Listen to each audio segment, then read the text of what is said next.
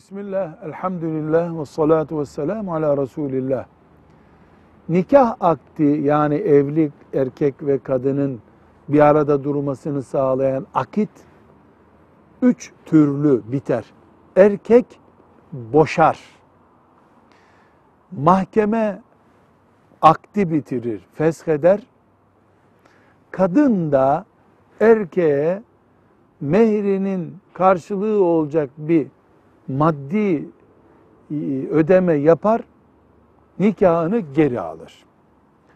Bunlardan boşama kelimesi erkeğin hakkıdır. Kadın seni boşadım diyerek erkeği boşayamaz. Erkek üç defa seni boşadım dese kadın boşanmış olur. Ama kadın 30 defa seni boşadım dese boşanmış olmaz. Kadın ne yapabilir peki? Ben sana bana harcadığın masrafları, düğün masraflarını geri vereyim. Ee, Sen de nikahımı geri ver diye bir anlaşma yapar. Buna hulu diyoruz. Erkek de bunu kabul eder. Kadın getirir. Mesela 100 lira anlaşmışlardı. Onu geri verir. Nikahını da geri almış olur. Bunun dışında kadın boşadım ben seni diyerek erkeği boşayamaz. Velhamdülillahi Rabbil Alemin.